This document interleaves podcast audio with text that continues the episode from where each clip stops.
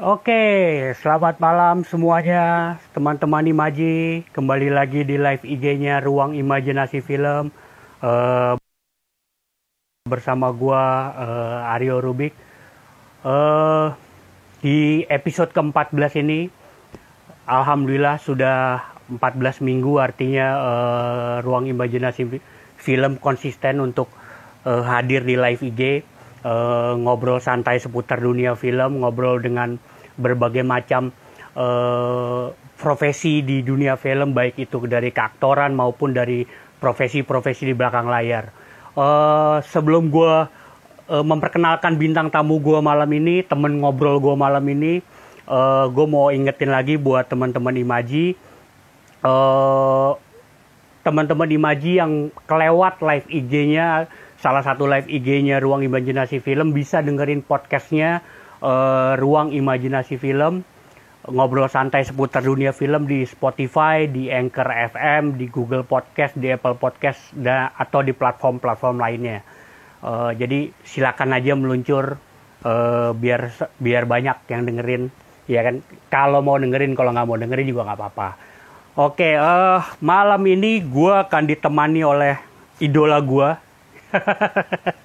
idola gue seorang sutradara uh, yaitu Arya Kusuma Dewa ya kan? Uh, eh, gue ya cukup familiar dengan karya-karya beliau. Uh, nanti ya nanti dengerin aja lah gimana perjalanan karir beliau sebagai senias di Indonesia dengan gayanya yang berbeda tentunya dibandingin gue khususnya.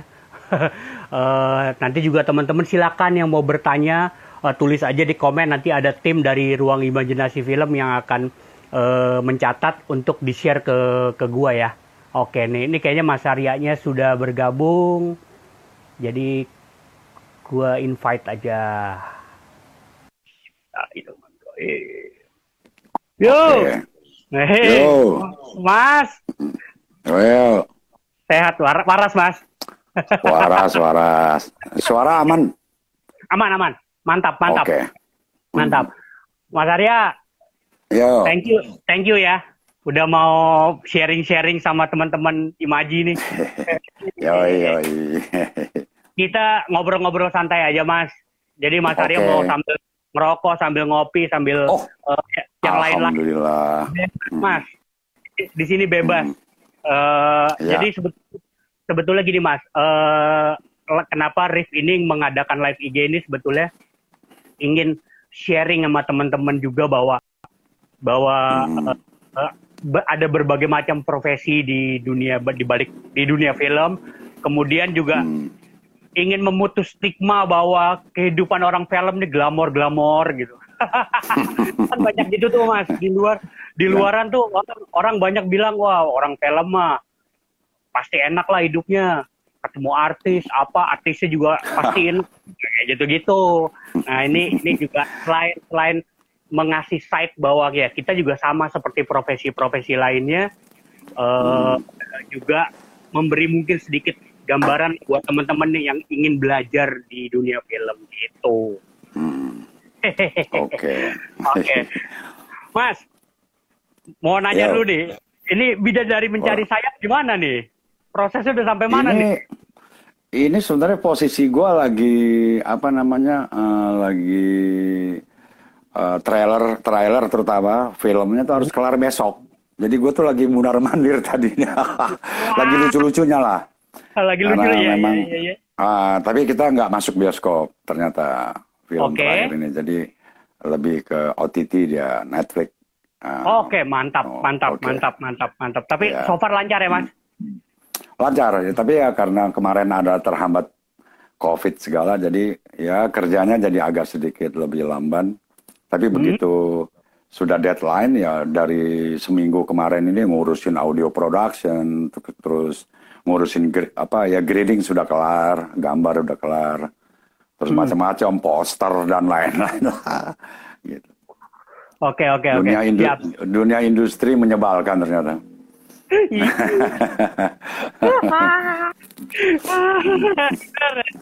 Oke, Mas Arya, uh, ya. uh, boleh sharing nggak Mas uh, buat ke teman-teman Imaji nih? Uh, mm -hmm. perjalanan karir seorang Arya Kusuma Dewa di, di di sebagai seorang senias tuh seperti apa sih? Gimana sih awalnya gitu? Apakah memang sudah bercita-cita jadi sutradara dari awal atau masuk ke dunia film tuh emang udah cita-cita apa belum? Apa enggak sih? Apa gimana gitu mas? Uh, mungkin gue nggak pernah bercita-cita mau jadi sutradara karena gue dari kecil itu hidup gue tuh nggak pernah punya rencana. Ternyata setelah tua begini baru merasakan lah bahwa ternyata hidup tanpa rencana tuh indah ya. Hidup hmm. nggak hmm. berencana apa-apa tuh indah. Jadi so must go on jalan aja gitu. Jadi ya dulu pernah sekolah agama, terus pernah sekolah umum, terus juga kalau ditanya sama guru BP itu sampai orang gurunya tuh ngadu ke orang tua gue karena gurunya nanya kan nanti kalau waktu SMP tuh kalau hmm. sudah kuliahnya mau di bidang apa mau ngambil bidang apa kalau teman-teman gue kan banyak tuh yang bilang mau jadi dokter pilot bla bla bla bla bla lah begitu hmm. pas giliran gue gue bingung. Karena gue dari dulu ngomong gue lu nggak apa-apa nih ya? Nggak apa-apa. Pakai gue lu nggak apa-apa oke. Okay. bebas bebas. Karena karena dulu gue uh, ditanya nanti kalau ini cita-citanya mau jadi apa? Saya nggak tahu bu. Saya nggak punya rencana apa-apa. Gue dianggap sama guru itu orang nggak punya masa depan. Jadi dia lapor ke orang tua gue gue gue diomelin sama orang tua karena ditanya ya tapi waktu itu minimal gue bisa seperti menjadi diri gue dari sejak SMP itu gue udah bisa menjadi diri gue waktu itu gue nggak pernah berpikir mau jadi apa jadi apa. Ya gue jalanin aja tanpa rencana gitu. Dan bisa mencolok ke film itu ternyata sebuah proses sebuah proses uh, perjalanan itu sendiri yang tiba-tiba membawa gue ke jalur itu. Dan kalau ditanya apa penyebabnya nggak tahu. Tapi banyak hal-hal yang tidak pernah gue rumuskan hal-hal yang tidak pernah gue analisa bahwa apa yang gue jalani itu semua mengarah ke mengarah ke dunia film. Umumnya contohnya dari kecil gue suka komik gitu. Jadi gue benci sekolah sebetulnya.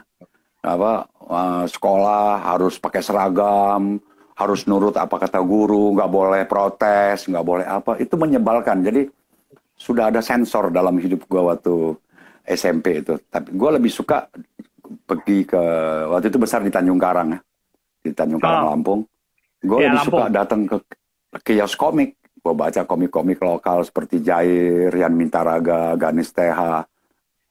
Di situ menyenangkan buat gue. Dan tahu-tahu ditegur orang tua karena absen gak sekolah gitu. Karena waktu itu gue sudah merasa ada uh, sebuah uh, apa ya? Mungkin bisa merumuskan sekarang, tapi dulu gue nggak berasa. Gue berasa kayak nggak nyaman sekolah. Nah, hmm. yang menjadi pertanyaan tuh adalah kalau ada murid yang nggak nyaman di sekolah, itu yang salah sekolahnya apa muridnya itu yang menjadi pertanyaan. itu sebetulnya. Gue feeling yeah. sekolahnya yang yang salah. Yeah. Kalau gue sih berasa bener aja. Gak asik sekolah itu gak asik yeah. ternyata. Ya sorry sekolah. ini bu. Uh, uh, mungkin mungkin gue sudah dilahirkan orang yang pengen punya kebebasan. Nah sementara yeah. gue dari lingkungan keluarga, keluarga yang sangat uh, agamis, hmm. sangat agamis. Jadi kalau di Oh, oh. dan cenderung uh, fundamental gitu, apa kelompok agama, apa bukan kelompok uh, penganut agama yang cukup serius gitu. Jadi jam sekian harus sholat, itu nyebelin, nyebelin awalnya ya. Tapi umur segitu kita kan nggak berpikir apa-apa. Umur segitu tuh pengen main, udah mulai suka lihat cewek gitu kan. Ada yeah. yang ini waktu sekolah, ini dia harus jam 12 sholat, jam 4 sholat, jam ini sholat. Nah waktu itu sebetulnya apa yang gue lakukan itu banyak kebohongan-kebohongan.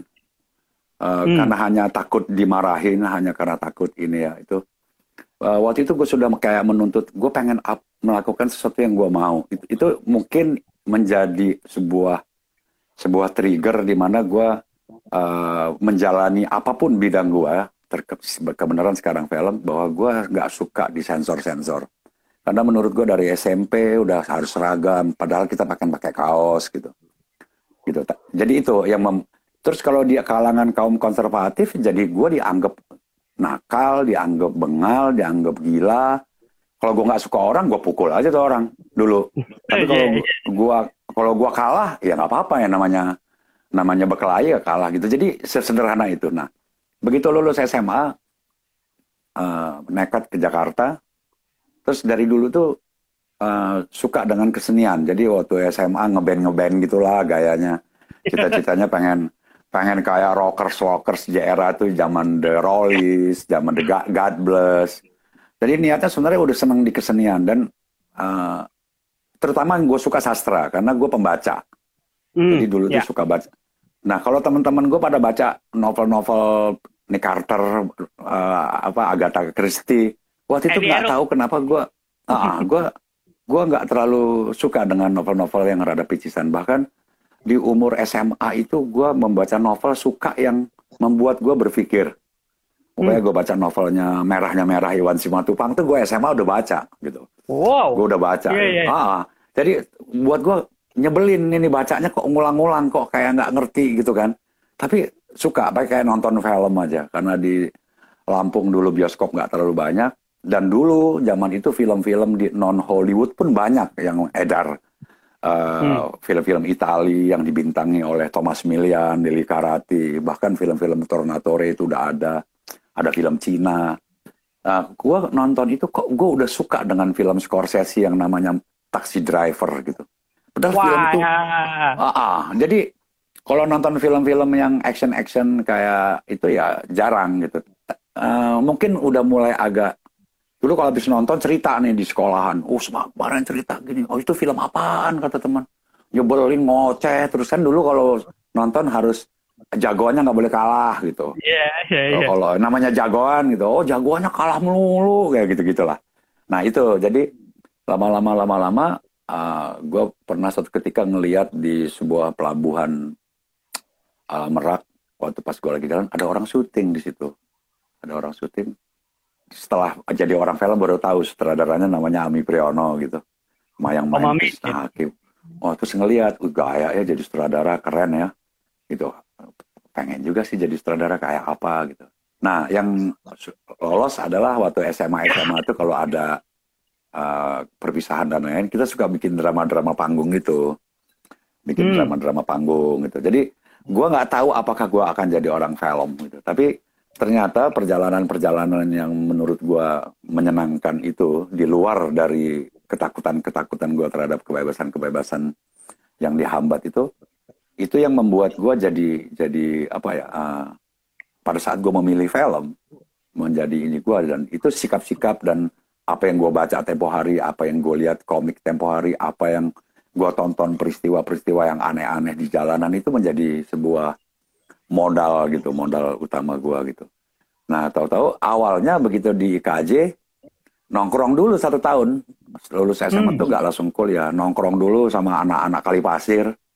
Ya. Waktu itu ada teman-teman main gitar apa terus ikut bergaul gitu kan, bergaul lama-lama mulai tadinya malah berpikir mau ngambil musik ah gue gue kayaknya mau ngambil musik tapi ternyata kok gue ngelihat uh, mulai tertarik dengan fotografi.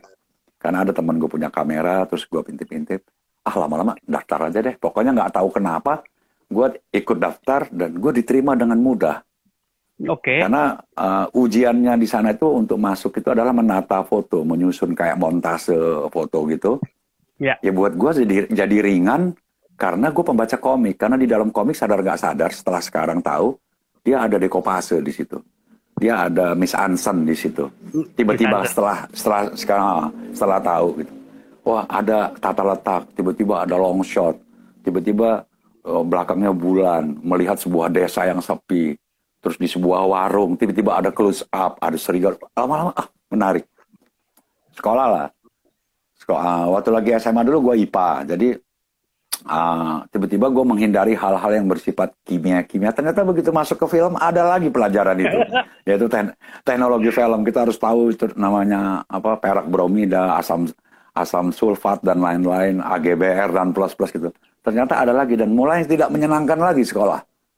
Kuliah di IKJ mulai tidak menyenangkan buat gue gitu loh, karena tiba-tiba uh, bayangan gue sekolah di situ akan ada kebebasan uh, berekspresi, kebebasan berpendapat, kebebasan menafsir dan lain-lain gitu. Ternyata uh, enggak juga. Ternyata uh, sudah banyak aturan-aturan yang sebenarnya aturan-aturan itu justru uh, efeknya akan membuat kita lebih uh, apa ya terbatas sih dengan dengan dengan keinginan kita. Salah satu contohnya gue ujian ujian D3 waktu itu, gue bikin film sendiri, gue ngambil mayor editing karena gue suka. Tapi bikin film sendiri ternyata nggak lulus. Hmm. Padahal bikin film dulu pakai seluloid, nggak lulus. Artinya sampai di dalam sidang, sidang sempat sidang, gue sampai ngomong, oh ternyata di kampus ini sudah ada sensor ya gitu. Sorry, Padahal sebenarnya itu, Sorry mas, itu yang berarti ya. film tugas akhir lo pelacur yang di malam lebaran itu ya?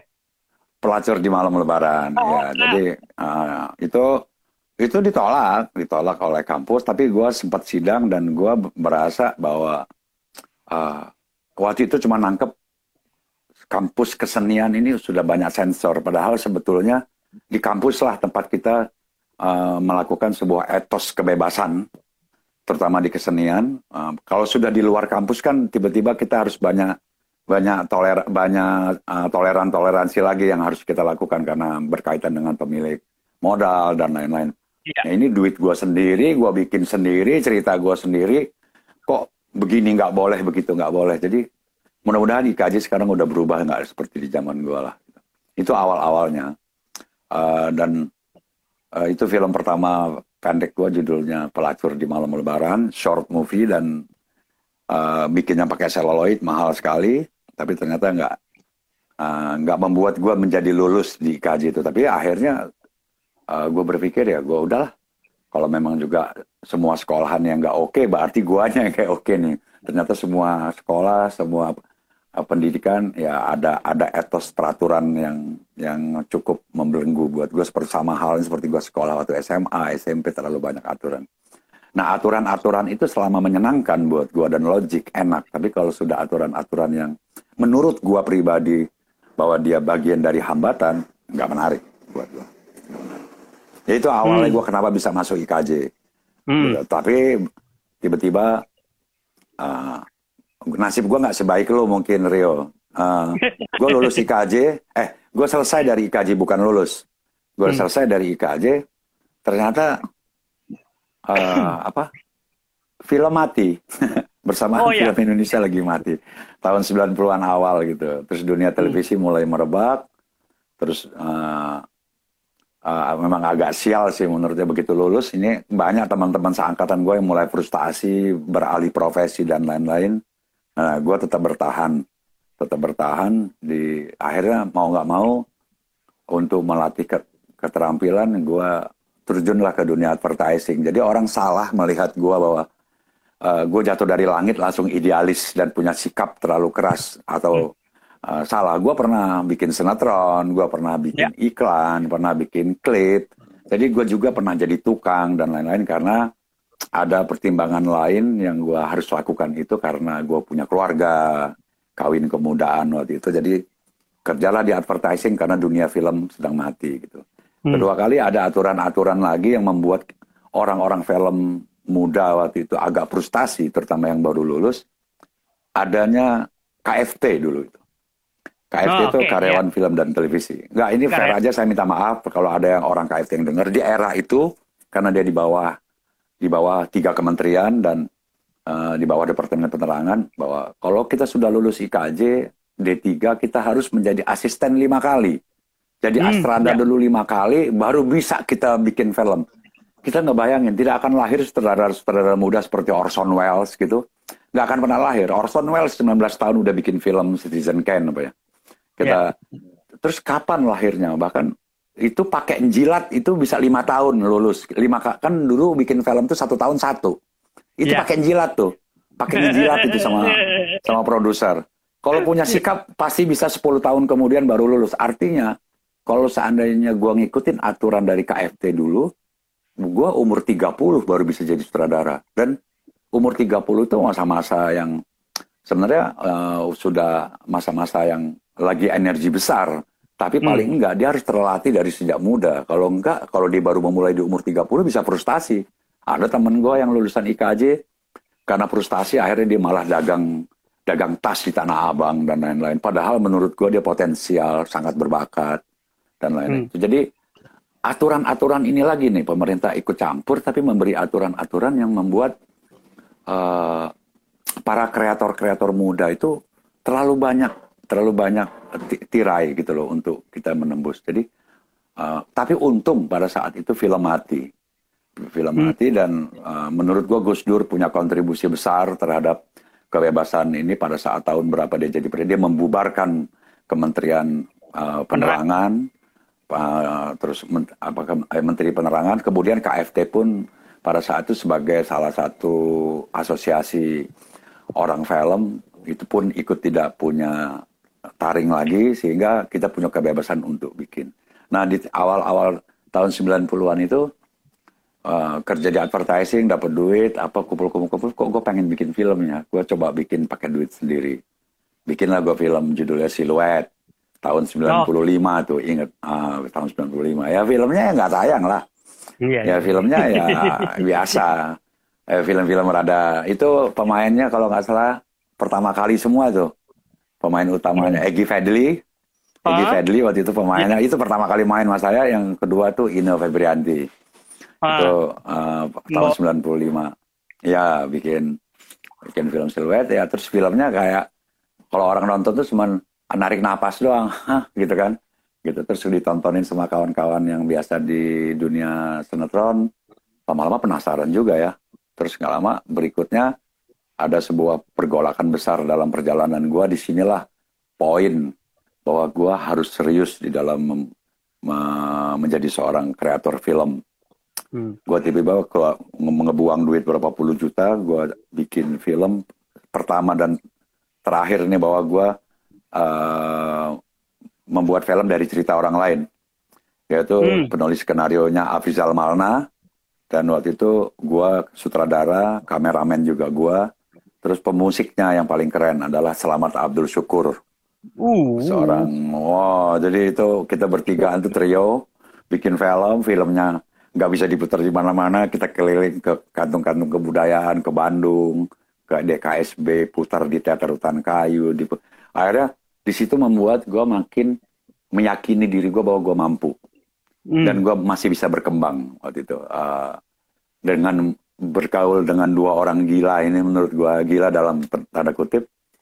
Uh, kita tahu Afrizal Malna adalah seorang sastrawan besar yang mendunia ter termasuk Mas Selamat Abdul Syukur. Dan gua uh, di dalam ruang yang sangat tepat bergaul dengan mereka bertahun-tahun membuat gua semakin mengasah menajami dapat reference yang baik dari mereka karena gua yang paling muda saat itu. Hmm. akhirnya film itu juga nggak bisa diputar di mana-mana nggak laku tiba-tiba ada tawaran dari Babi Coki. Waktu itu dia hmm. masih pejabat di Indosiar. Ya lu bikin sinetron ya lu jangan bikin film buat lu tonton sendiri. Kalau dulu disebut itu Arya tuh bikin film onani katanya. Cuman mau ditonton sendiri di ketawa-ketawa sendiri. Mulai terganggu mulai terganggu. Di tahun 96 itu mulai ter, uh, 97 awal lah itu mulai terganggu tahu-tahu ah boleh juga sih gue coba bikin serial pengen tahu. Karena memang dunia film masih mati saat itu. Gue bikin lah dari novel Teguh Esa yang judulnya Dewi Beser. Itu ah, dia ali topannya perempuan lah ceritanya. Ya. sorry. Ya, terus, ya, apa, uh, terus gue bikin gue bikin uh, 26 episode kalau nggak salah. Dan baru pertama dan uh, membuat sinetron dan nggak pernah lagi bikin. Pertama kali itu. Dan pertama dan terakhir. Itu bikin di luar dugaan aja. Di luar dugaan. Begitu dia tayang uh, dapat rating. Waktu itu gua nggak rating aja nggak ngerti. Jadi dapat rating yang bagus. Bukan lumayan bagus tapi bagus.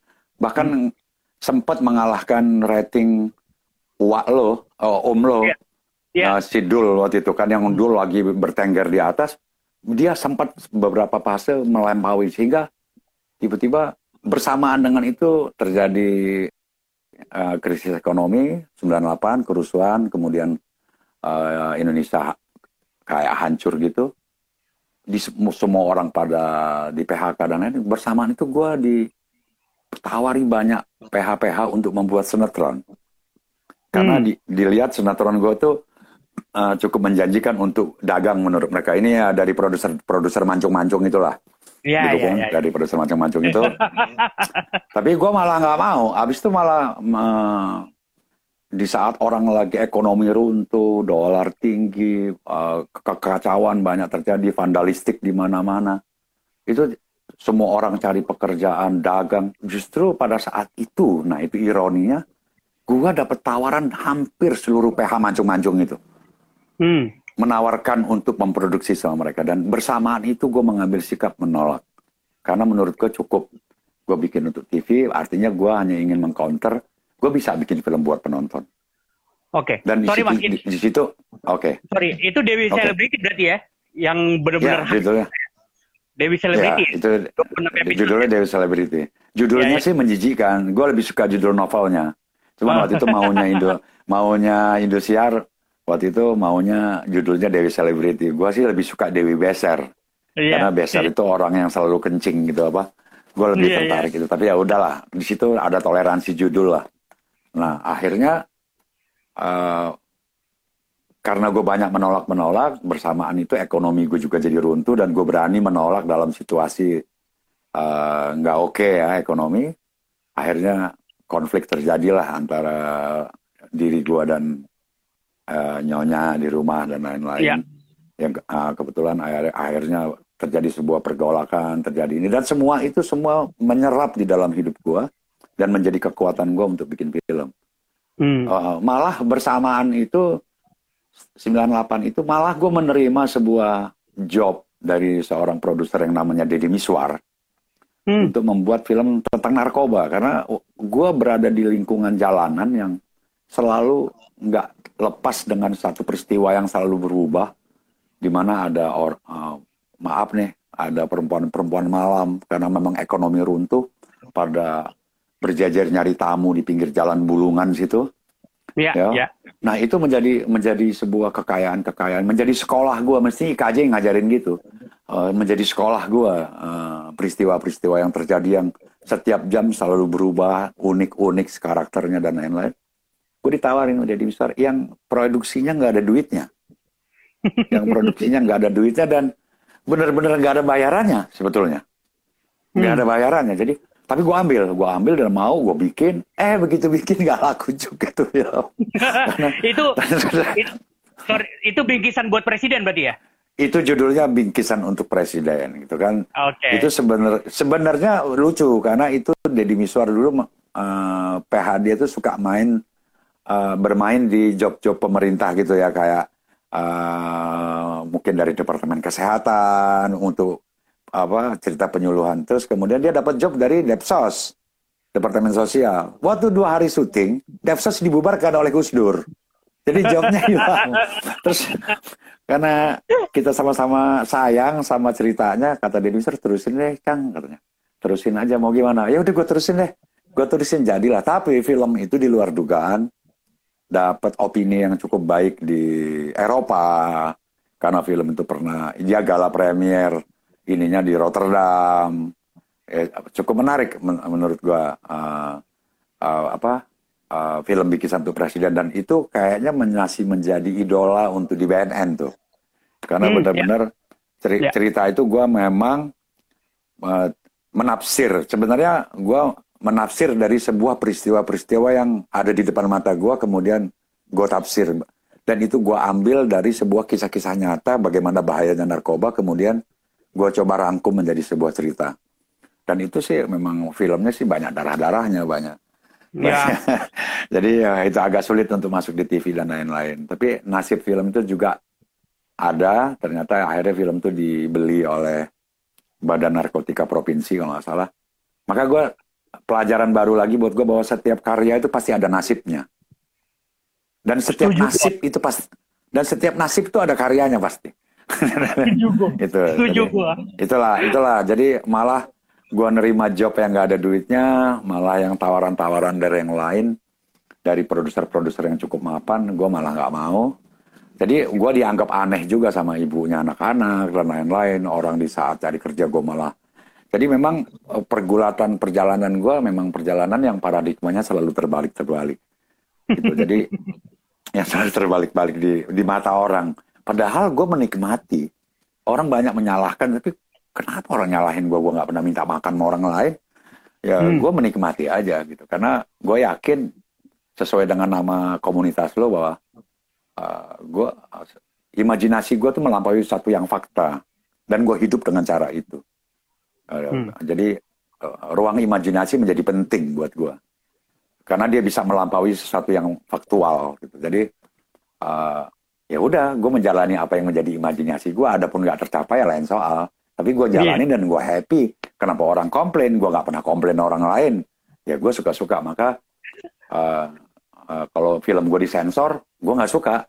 Waktu itu film gue berapa kali disensor oleh lembaga sensor, gue malah bilang, kayaknya orang yang di lembaga sensor yang harus disensor. Gue bilang gitu kan. harus mereka yang disensor. Supaya supaya mereka nggak gampang nyensor pikiran orang lain. Jadi mereka yang Ya. harus disensor tuh sebe- sebelum menjadi anggota sensor. Maksud gue. Jadi ya gitu gitulah. Jadi itulah bagian kecil dari perjalanan gue. Nanti kita terusin. Mungkin ada yang mau nanya. Nanti perjalanan sampai ke bangkitnya New Indonesian Cinema gitu. Mungkin ada pertanyaan. Itu aja Siap. dulu. Oke. Ya, eh, tapi eh, gini, bingkisan buat presiden membawa lu menjadi sutradara terpuji di Forum Film Bandung ya. Itu gue tahu setelah tujuh tahun. Serius lu, Mas? Nah ini gue cerita lagi. Nah itulah cikal bakalnya sebuah perjalanan yang nanti gara-gara itu lahir film Identitas. Hmm. Jadi gue gue jujur aja waktu lagi tahun itu karena film itu dibeli oleh gubernur DKI saat itu Sutioso. Hmm. Waktu lagi gala premier, tiba-tiba film itu jadi gala premier di Jakarta Theater kalau nggak salah. Wah bagaimana video bisa diputar di bioskop? Rupanya present apa eh, dibeli Sutioso untuk kebutuhan eh, VCD. Zaman itu masih VCD. Dibeli berapa puluh ribu keping untuk kebutuhan penyuluhan di setiap wilayah kelurahan dek, sedekai. Jadi mau nggak mau berhubungan dengan gubernur. Nah nggak tahu kenapa gue nggak diundang waktu itu sama sutradaranya. Padahal gue sendiri menderita. Ah, ya sama produsernya tuh gue nggak diundang gitu kan. Pemain-pemain gue diundang. Ada Alek Omang, ada Bucek, ada Yunik Priscilla. Semua diundang sutradaranya nggak. Gue bingung juga kan. Rupanya gue baru tahu. Akhirnya gara-gara itulah gue musuhan sama Deddy Misar 7 tahun. 7 tahun. Dari tahun 2000 sampai 2007 baru ketemu lagi. Dan itu gue benar-benar saat itu apa kayak ya masih usia ya lah. Gue masih songong, gue masih tengil.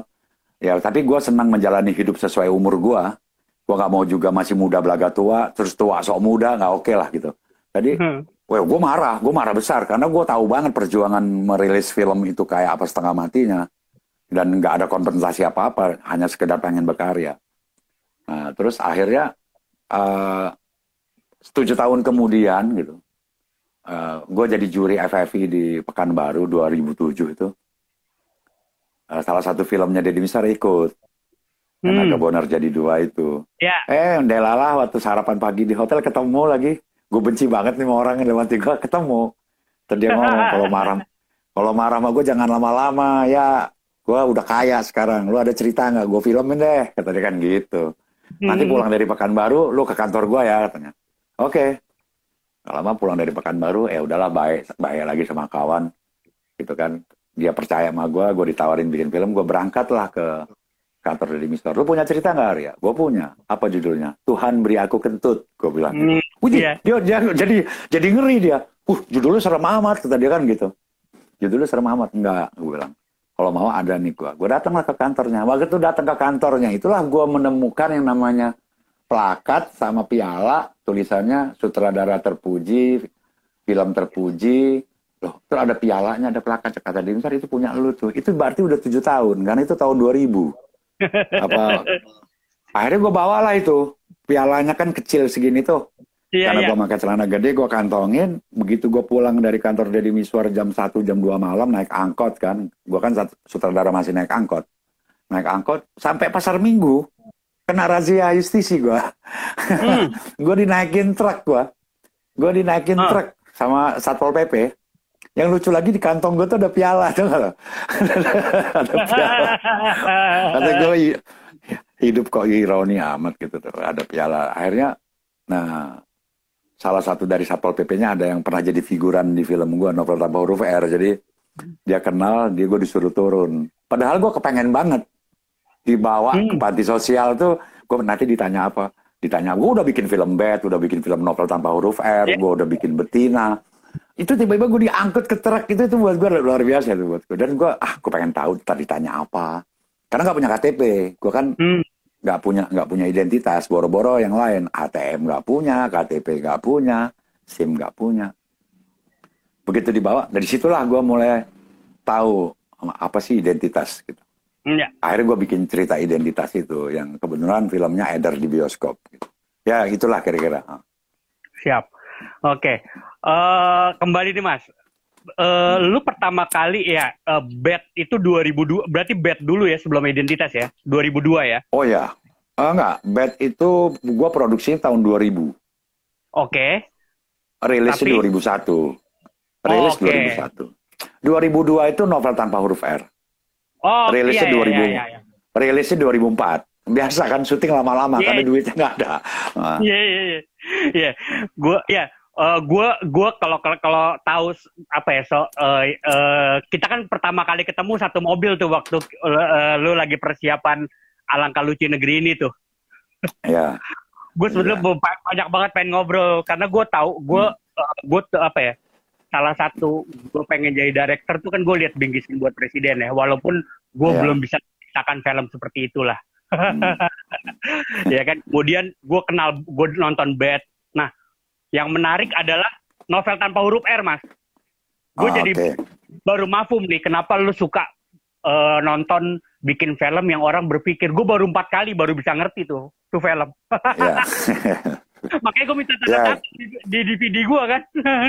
Ya mak- karena ya umpamanya gini apa uh, di uh, film itu kan sebuah karya seni yang paling bungsu. Artinya dia melibatkan banyak elemen-elemen seni yang sebelumnya ada ada seni peran ada teater ada tari ada musik dan lain-lain. Kekuatan elemen-elemen ini yang membuat kita mestinya gitu membuat kita mestinya tidak menyuapi penonton. Bagaimana karya atau film tapi ini personal ya. Ini menurut gua mungkin menurut orang mainstream akan berbeda. Ya. Eh, bahwa sebenarnya ya film itu kan bahasa. Film itu sebuah peristiwa bahasa nah pada saat kita menggunakan bahasa ada yang verbal ada yang non verbal ada yang satire dan lain-lain nah itu tergantung pilihan bahwa kalau kita melihat film sebagai bahasa kalau kita melihat film sebagai karya seni, maka sebenarnya di situ ada pertanggungjawaban kreatif. Kalau kita melihat sebuah film adalah sebuah bahasa, sebuah bahasa untuk berkomunikasi, maka bahasa pun sebisa mungkin uh, dia punya punya cara untuk menyampaikan sesuatu karena ada bahasa verbal. Nah, yang lebih aneh lagi orang para kritikus suka berpikir kalau bahasa verbal itu dialog itu bahasa verbal. Kalau gambar itu bahasa non verbal gitu kan, non naratif. Salah bahwa sebenarnya gambar juga ada yang verbal. Bahasa lisan pun ada yang verbal, ada yang non verbal. Upaya kayak contoh berapa kali gue sering ngomong nyontohin kita nggak usah jauh-jauh lah kita lihat liriknya uh, dari lagu aja umpamanya. Kan lagu juga liriknya ada yang verbal ada yang enggak gitu. Umpamanya kayak kalau kalau grup band yang lagi populer sekarang nggak tahu gue namanya apa kayak mau bikin menyatakan kerinduan terhadap pasangannya dia akan menulis lirik aku rindu padamu. Itu kan verbal. Tapi Iya. itu tidak jelek. Nggak kita klaim sebagai sesuatu yang jelek. Ya. Ya dia rindu ya dia tulis rindu. Tapi pada saat seorang Sting dia membuat kerinduan itu dengan bahasa death to be without you tempat tidurku terasa lebar tanpamu. Artinya sama. Nah tinggal lo Iya. mau milih yang mana. Nah di bahasa film pun ada itu. Lo mau pilih yang aku rindu padamu atau mau memilih dengan cara uh, tempat tidurku terasa lebar makamu karena orang akan memikir gitu. Kecuali memang istrinya gemuk gede obesitas ya itu mungkin tersinggung. Efeknya jadi beda. Hmm. gitu. Jadi sebenarnya uh, gue nggak kepengen juga bahwa apa yang gue buat itu dengan telak menyuapi penontonnya. Karena kalau orang disuapi biasanya begah. Tapi pada saat orang mencoba untuk mencari, kayak gue kepengen banget makan mie di Muara Karang, jalan jauh ke sana atau makan mie memang taste-nya beda gitu, puas walaupun mahalan ongkosnya daripada makan mie-nya gitu. Mahalan ongkosnya ke sana. Jadi tapi yang kita cari itu sesuatu yang punya standar elite taste gitu. Itu aja hmm. sebenarnya. Jadi bukannya so eksklusif bahwa supaya penonton ada juga yang bilang makin rumit dianggap makin hebat. Ya enggak juga. Bahwa terlepas bahwa film adalah sebuah uh, kehidupan itu sendiri yang disampaikan dengan cara yaitu menggunakan bahasa. Bahwa dia adalah bahasa. Visual adalah peristiwa bahasa. Jadi bagaimana kreator mampu membuat sebuah peristiwa sebagai sebuah bahasa untuk bisa dicerna oleh penontonnya tapi kalau disuapi aja nanti setengah film orang pulang. Umpamanya nih, gue pernah presentasi ke salah satu produser yang ya produser mainstream. Gue puterin film. Dia ngomong, gue 20 menit, 15 menit dari tadi gue nonton film lu Mas Arya. Gue nggak ngerti. 15 hmm. menit. Eh, gue jawabnya sederhana. Kalau 15 menit kamu udah ngerti, penonton pulang dong. gue bilang hmm. gitu. Ya, iya dong. Kalau yeah, kita baru yeah. nonton lima menit kita udah tahu ceritanya ya ngapain kita nonton film itu kan? Artinya uh, apa ya? Kadang-kadang uh, gue suka terjadi sebuah uh, pertentangan dengan pemilik uang itu karena itu dia berpikir gue jujur aja gue nggak paham film ini udah 15 menit gue tonton gue nggak ngerti sama sekali ya kalau udah ngerti 15 menit ya ngapain juga ditonton kan begitu problemnya yeah. Ya gitulah Rio. Ah. Ya, siap, siap, siap, siap. Oke, okay. uh, gue agak tarik mundur sedikit ya, Mas. Oke. Okay. Uh, eh, lu sempet main, kalau nggak, ini, ini koreksi ya kalau gue salah ya, di dua ya. tanda mata. Ya. Uh, Om Om Teguh Karya. Nah itu ya. gimana? Lu lu sempet jadi seorang aktor nih. Pengalaman Jadi, gimana tuh proses itu, Mas? itu proses memalukan juga sih. Eh, Kayaknya luka sejarah tuh gue jadi pemain tuh. Jadi tapi paling enggak, gue mencoba itu sehingga gue tahu ukuran, ukuran diri gue. Jadi waktu pas gue kuliah semester 2 apa, gue masih bujangan itu, semester 2 apa semester 3 gitu. Itu tiba-tiba Teguh Karya jadi jadi dosen tamu di kelas gue di KJ. Oh, Oke. Okay.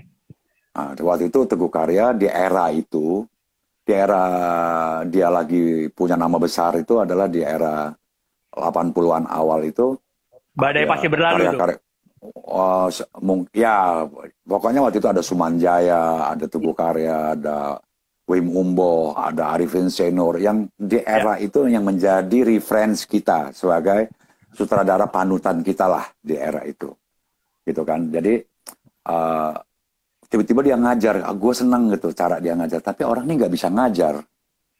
Uh, untuk jadi dosen tuh nggak bisa. Tapi dia selalu menceritakan pengalaman-pengalaman dia yang menurut gue cukup menarik. Nah gue nggak tahu tiba-tiba begitu ngajar yang kedua kali dia nyamperin.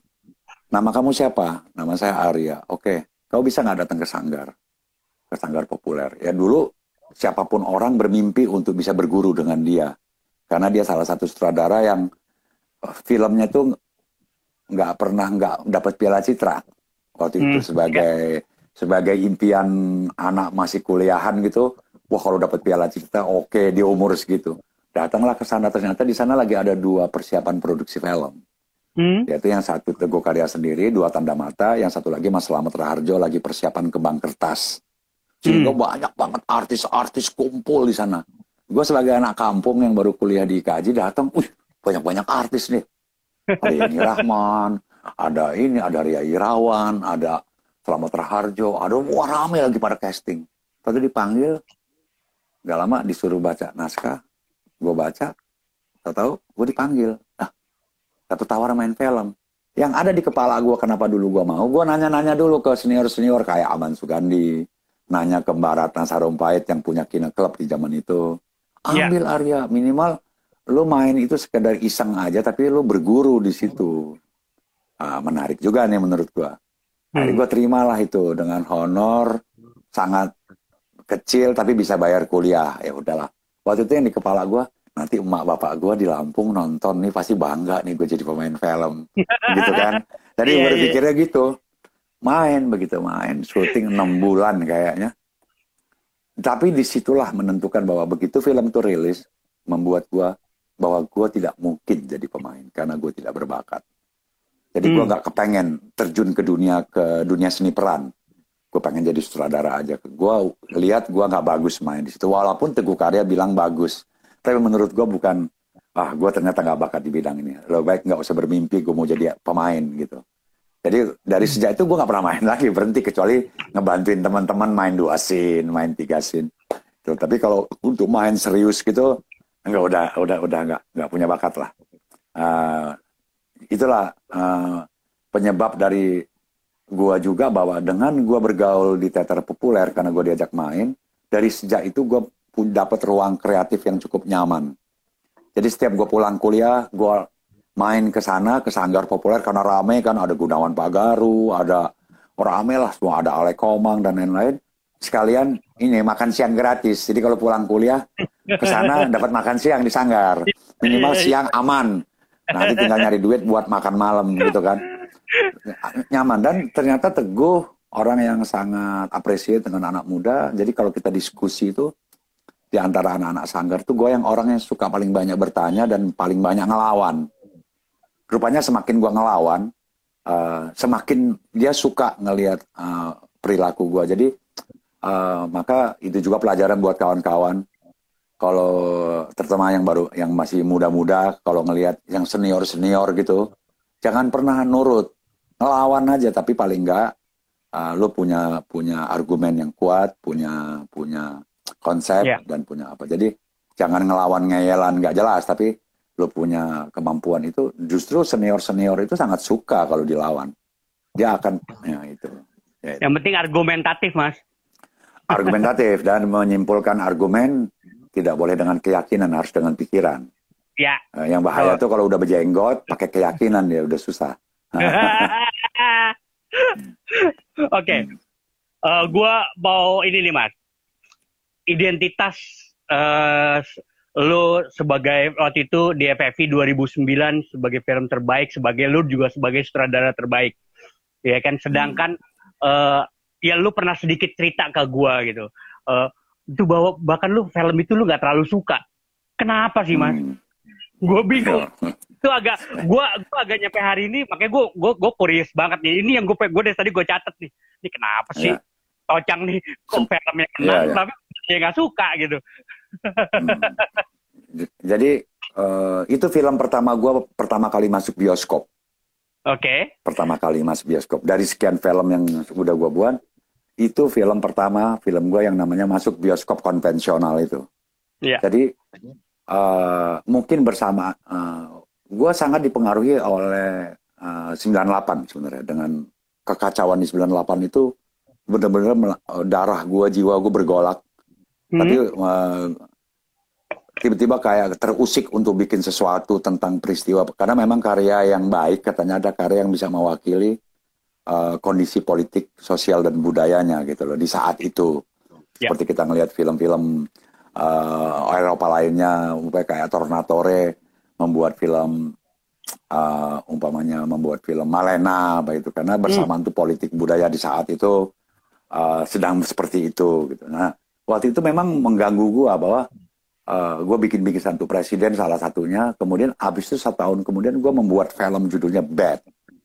Bad ini benar-benar biaya uh, di situ juga malah petaka dalam rumah tangga gue.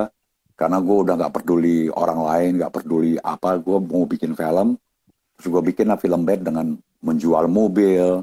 Terus pemain bisa gue hire tanpa ada yang dibayar uh, kru hmm. gue hire tanpa ada yang gue bayar gue menunjukkan semangat gue dan gue di backup saat itu jadilah film Bad tentang cerita percintaan di rumah sakit jiwa lah.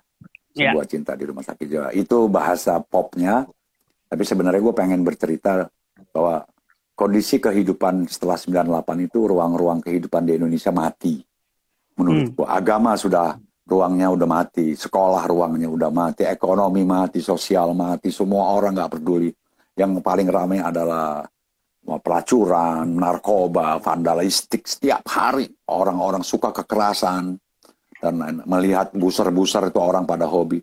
Gue membuatlah film Bad.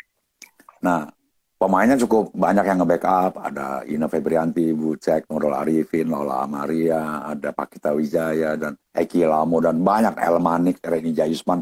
Semua nge-backup. Jadilah film itu. Dan film itu tidak edar di bioskop, tapi dia justru edar di bioskop-bioskop non-konvensional. Yaitu yang gue sebut non-konvensional itu adalah bioskop yang kecil-kecilan sendiri, yaitu di kampus-kampus. Ya. Karena waktu itu Kina, Kina Club di kampus-kampus itu sedang tumbuh, sedang tumbuh-tumbuhnya, sedang ada uh, terus dipengaruhi dengan film Bad yang diproduksi dengan spirit independen itu membuat komunitas-komunitas independen yang ada di daerah itu makin makin berkembang dan lain-lain. Film itu edar. Nah, kemudian penasaran lagi membuat film judulnya novel tanpa huruf R. Nah, itu juga lebih kemarahan gue terhadap diri gue karena gara-gara gue bikin film sebelumnya gue kehilangan banyak hal yang hilang. Ya kehilangan teman kehilangan keluarga kehilangan. Jadi temanya itu sesuai gue membuat cerita sesuai dengan apa yang sedang gue alami. Jadi waktu itu gue bicara tentang kehilangan kehilangan terus gue mempertanyakan Tuhan di mana? Hmm. Tuhan di mana kenapa semua yang gue kasihi pada hilang, termasuk anjing-anjing kesayangan gue pada mati, dimakan orang, dibunuh orang. Nah, jadi kayak ada kemarahan-kemarahan di film novel tanpa huruf R. Nah, begitu habis novel tanpa huruf R, gue cukup vakum lama nggak membuat film. Usia ya. berlanjut. Nah, novel eh, identitas itu kayak sebuah penggambaran gue mulai menemukan Uh, dari mulai pergolakan gua habis 98 karena itu diproduksi tahun 20, 2008 berarti 10 tahun setelah kerusuhan gua mulai ter, menjalani sebuah proses-proses sublimasi lah proses-proses penghalusan di dalam di dalam kehidupan gua di dalam kekaryaan gua. Terus tiba-tiba ya awalnya film itu juga dibikin buat roadshow karena modalnya cuma 50 juta Terus gue menggunakan DOP yang pertama kali jadi DOP, kita pakai kamera, kamera yang nggak bisa diganti lensanya, kamera kawinan, kamera Z1 kalau nggak salah mereknya Sony itu pun minjem, akhirnya pakai kamera itu, kemudian gue mencoba ngerekrut kawan-kawan lagi, salah satunya pemainnya adalah Tio Pakusadewo, di situ pertama kali Leoni masuk ke dalam komunitas kita, ada Reza Tapi, semua pada kumpul, bikinlah film itu. Nah karena modalnya cuma 50 juta, udah pakai kameranya kamera semprit gitu yang kalau syuting itu nggak berwibawa lah kelihatannya karena kameranya nggak bisa diganti apa-apa. Jadi kalau mau bikin mau bikin close up, kalau nggak kamera yang mendekati pemainnya atau pemain yang datangin kamera. Jadi malah itu menjadi sebuah metode yang cukup kreatif jadi jatuhnya dengan kekurangan-kekurangan itu tiba-tiba gue coba eh, toleran terhadap kekuatan. Jadi gue umpamanya uh, eh, DOP gue nanya, lampu kita sedikit loh, Tocang, apa Mas Arya. Nanti pemainnya gimana nih? Kalau bisa, kalau ngambil yang panjang agak nyelip dikit dong, nyundut supaya lampunya cukup. Oh, nggak apa-apa, gelap-gelap yeah. aja, gue bilang. Memang nggak boleh gelap film, gue tanya gitu kan. Jadi benar-benar gue melakukan tatanan-tatanan kayak orang yang nggak pernah sekolah di bidang film. Yeah. Jadi kayak kayak menentang karena keadaan. Terus tiba-tiba dia nanya, ini pemainnya nanti adegannya di mana? Karena lampunya dikit, gue cuma ngomong. Lo gak usah nanya pemain gue. Lo setting aja lampu yang ada. Nanti pemain gue yang deketin cahaya lo, gue bilang. Akhirnya itu jadi metode. Jadi jadi metode. Jadi metode bekerja yang cukup unik menurut gue. Jadi dengan segala kekurangan kita mencoba untuk untuk memanfaatkan kekurangan itu bagaimana dia menjadi sesuatu yang nggak kurang gitu loh. Kalau hmm. dibilang kuat nanti sombong, nanti disombong. Yeah. Jadi nah, jadi dari kekurangan kita olah menjadi sesuatu yang nggak kurang gitu dan dia kelihatan hmm. mahal gitu. Gitu. Jadi akhirnya waktu syuting baru lima hari enam hari ya duit 50 juta habis lah. Udah kayak itu aja udah ngirit macam-macamnya terus eh memang itu yang tadi gue bilang bahwa setiap nasib ada karyanya, setiap karya ada nasibnya itu tiba-tiba itu uh, Deddy Miswar nelfon. Deddy Miswar nelfon lo, lo lagi syuting ya Arya? Iya. Dia datanglah dengan ada salah satu produser, datang sama Mas Garin, datang ke lokasi syuting. Pertama yang dilihat Deddy Misar adalah kamera. Hmm. Dia kayak sedih ngelihat gue. Arya, lo kayak nggak punya teman. Di kantor gue tuh ada enam kamera. Standar kameranya bisa lo pakai. Kenapa lo pakai kamera gini? Udah lo nggak usah nggak usah cerewet, nggak usah sok baik lo sama gue. Gue bilang, gue bilang aja jangan sok perhatian. Udah tanggung nih. Kalau lo mau mau peduli sama gue, pinjemin gue uang. Hmm. Gue bilang. Karena gue besok break nih syuting. Nggak tahu cari duit dulu, nanti syuting lagi kapan-kapan. Dan itu selalu gue lakukan seperti novel tanpa huruf R. Tiga, tiga kloter lah, kayak naik haji gitu. Tiga kloter uh, syutingnya. Ini udah bakal jadi kloter keberapa nggak ngerti. Eh, akhirnya boleh gue baca nggak senario? Kata dia. Dia baca di tempat. dia banting tuh sebenarnya ini cerita keren banget Arya lo butuh duit berapa gue pinjam 100 juta boleh nggak nanti gue ganti kalau laku. Kalau nggak laku ikhlas. Bisa nggak? Bilang. Benar cukup. 100 cukup. Jangan banyak banyak gue nggak bisa bayar nanti. Ya udah siapa produser lu? Bang Coki kan? Iya. ya udah suruh ke kantor gue dia. Suruh ke kantor gue wah gue sal langsung gue dengan kru-kru salto lah. Senang teriak-teriak. Kita terus syuting besok. Dapat 100 eh namanya udah punya duit jadi sedikit agak kendor kali ya manusiawi sih tiba-tiba masih masih 20 scene lagi habis tuh duit. Masa mau berhenti lagi? Kata Coki lu pinjam lagi dong sama Deddy Misar. Oke gue telepon. Ci kurang nih Ci. Pinjam cepet lagi boleh nggak? Gue bilang gitu. Kan gue udah bilang pasti kurang. Gue kan produser gue tahu kebutuhannya. Ya udah. Ya udah. Uh, kasih nomor rekening. Syuting lagi. Ya elah tinggal satu hari syuting ya habis tuh duit dan yang lebih gila lagi syuting terakhir itu syuting kolosal karena ada penghancuran pasar muslim. Kita Hmm, iya, iya. pasar pasar muslim itu kita ngeset habis itu dihancurkan dan harus menggunakan tiga kamera. Karena nggak mungkin diulang gitu. Eh, settingnya itu. Tiba-tiba habis sehari udah gue datangin aja dari Mister gue bilang Ji tinggal sehari syuting habis duit pinjam gocap dong. Nanti gue ganti deh. Akhirnya dari Mister kayak mencoba dia niatnya baik bahwa Arya ini jangan begini terus gitu. Karena menurut Hmm. dia gue dianggap potensi. Udah gini deh ya mau nggak lo film lo? Sampai piklok gue gantiin duitnya tapi gue masukin bioskop. Ah Hmm. itu langsung berpikir tujuh kali gue karena gue belum pernah masuk bioskop. Gue sedikit punya masalah waktu itu sama 21 kan di film Bad. Jadi gue udah udahlah gue nggak mau masuk di jalur itu biarinlah teman-teman gue semua ke jalur itu gue milih jalur yang sudah gue punya dan sudah gue jalani yaitu jalur roadshow. Muter film di kampus-kampus jual tiket 10 ribu dan lain-lain walaupun gak untung tapi paling nggak bisa manjang bikin film. Udah gitu masuk bioskop. Terus udah. Udah Ji. Kasih gue waktu dua hari ya. Kasih gue waktu gue dua hari. Karena waktu dua hari tapi mau nggak lo? Tapi pinjam 50 juta dulu lah. Aku bilang ini mau syuting udah mau kelar nih akhirnya dipinjemin. Gue rapat dengan kawan-kawan kru. Dari semua jawaban semua setuju pengen masuk bioskop. Terus ada satu pemain yaitu ya Leoni Matio bilang Arya lu bisa nggak sedikit berkorban untuk orang yang banyak membantu lu? Menyenangkan. Kalau lo anggap pengorbanan pengorbanan. Lo bisa nggak menyenangkan orang yang sudah membantu lo lo mengalahkan diri lo sendiri. Toh film di, bio, di bioskop juga cuma ruang presentasi kok nama Ya. lo nggak bakal dirubah jadi siapa sutradaranya terus sama aja filmnya akhirnya gue berpikir gue mulai masuk ke dalam proses sublimasi tadi oke jadi oke masuk bioskop udah masuk Oke. bioskop udah bukan urusan gue Oke, eh Mas Arya, nggak tahu jadi ah, oke oke siap sorry. Eh, ini udah mau sejam. Eh, kita stop Oke. dulu. Tapi abis itu Oke. kita lanjut lagi ya. Kita seru nih. siap Ada Ya, ya, pertanyaan-pertanyaan siap, siap. dari yang udah masuk ya. Oke, Oke. oke, oke, siap. Oke, siap.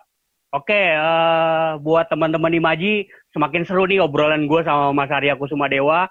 Eh, stay tune ya, kita akan balik lagi karena kan kalau Instagram cuma sejam. Eh, pokoknya jangan ke mana-mana, balik lagi aja. Oke, ya. Eh, stay tune ya teman-teman ya.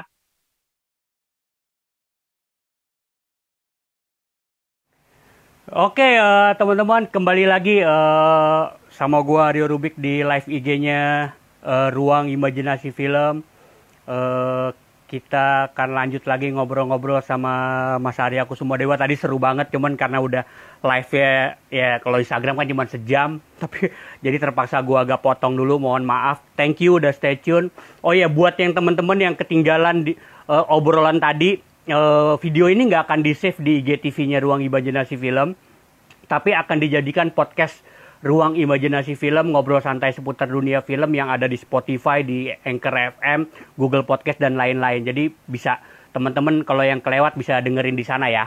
Oke, eh, ini kayaknya Mas Aryanya juga udah mul udah nongol kayaknya. Yes, balik lagi Mas. Oke, Sorry ya, gue potong ya. gak apa-apa. ah. Ya, enakan tanya jawab lah kayaknya. Hmm. Iya, diba- dibatasin kayaknya sama, sama Instagram gitu ya. Oke. Oke, okay. uh, ya tadi temennya ada di save dong. Nggak di save emang emang ini buat jadi buat jadi bahan podcastnya ruang imajinasi film jadi bisa didengerin aja nanti di podcastnya. Oke, okay. Mas bisa lanjutin tadi tuh Mas yang proses uh, identitas tuh kan tadi sampai lu masuk bioskop akhirnya ya udahlah gitu. Hmm. Nah itu gimana Mas? Ya akhirnya karena melibatkan pemilik uang akhirnya sadar nggak sadar karena ngutangnya udah terlalu banyak atau ya akhirnya film itu uh, kolaborasi dengan uh, namanya PT Citra Cinema. Gue juga eksekutif produser di situ. Gue juga produs, uh, gue juga yang membuat dan lain-lain. Udah begitu pas uh, di luar dugaan gue lah bahwa film itu tiba-tiba promosinya cukup gencar. Ada billboardnya, ada ini dan lain-lain. Lucu juga ya ada film kayak gini nih dalam nanti gue kan. Nah tiba-tiba, ah, wah, gue jalan atau ada poster film gue billboard gede banget di setiap jalan gitu. Nah, begitu pas edar, nggak laku filmnya. Jadi pertama kali masuk bioskop penontonnya 40 ribu. 40 ribu penonton itu untuk ukuran di tahun itu benar-benar kacrut lah. Benar-benar uh. untuk di era itu tahun 2009. 9. 2009 itu. Ya 2009. Nah itu karena kelarnya di awal 2009, sementara FF itu di akhir tahun. Hmm. Artinya kan film itu uh, berproses cukup lama sebelum ikut FFI. Dan gue nggak pernah tahu, nggak pernah tahu kalau daftar masuk ke FFV aja gue nggak tahu caranya. Udah gue biarin aja, tahu di luar dugaan. Pas lagi ngebantuin Deddy Miswar bikin Alangkah Lucu Negeri ini, gue dapet kabar, Arya tuh filmnya nominasi banyak banget tuh. Sampai 11 nominasi atau berapa gue nggak ngeh lah. Gak pernah ikut-ikut festival kayak gitu. Tahu-tahu ya masuk, ya udah. Dapat undangan banyak banget. Banyak undangan dapat karena nominasi semua. Editor ya gue sutradara gue juga kan gitu kan. Cerita gue juga. Skenario gue juga gitu. Jadi wah kok banyak banget nih undangannya nominasi. Akhirnya waktu itu gue nggak pede aja datang ke acara festivalnya. Uh, memang gue nggak terlalu suka tampil gitu apa uh, hadir di tempat-tempat begitu akhirnya gue wakilin sama putra-putra gue gitu yang datang gue malah nontonnya di warteg. Gue lagi makan di warteg gue lihat eh, siaran langsung eh begitu gue lihat film gue menang ya udah gue ketawa juga pulang gitu. Tukang wartegnya bilang udah malam nih pak mau ditutup nih ya udah gue nonton di sebuah warung gitu. Jadi uh, sukses lah gitu. Uh, jadi uh, ketawa-tawa menang tuh film tapi nah. dari mulai mengevaluasi dari karya-karya gue sebelumnya karena pergolakan tahun 98 itu lahirnya Bad lahir novel tanpa huruf R, lahir juga film Betina.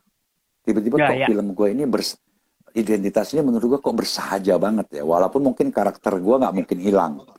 Karakter gue nggak mungkin hilang. Kok bersahaja sekali film gue nih ya. Apa bicaranya itu tentang hiu, tentang human, tentang identitas. Apa sih identitas itu sebenarnya? Ya gara-gara gue ketangkep di itu, yang gara-gara nggak punya KTP itu bahwa ada orang kenal gue, gue bisa nggak ketangkep ternyata identitas itu menurut gue bukan bentuk, tapi sebenarnya identitas itu adalah eksistensi.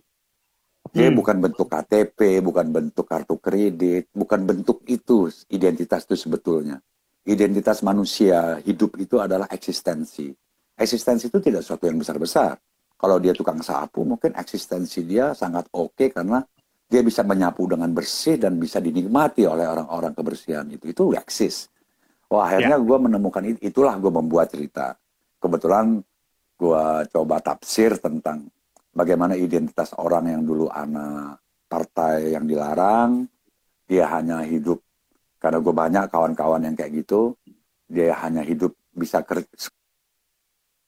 sekolah jadi pegawai negeri nggak bisa, ini nggak bisa, akhirnya dia cuma bisa menjadi seorang pembersih mayat di sebuah rumah sakit gitu.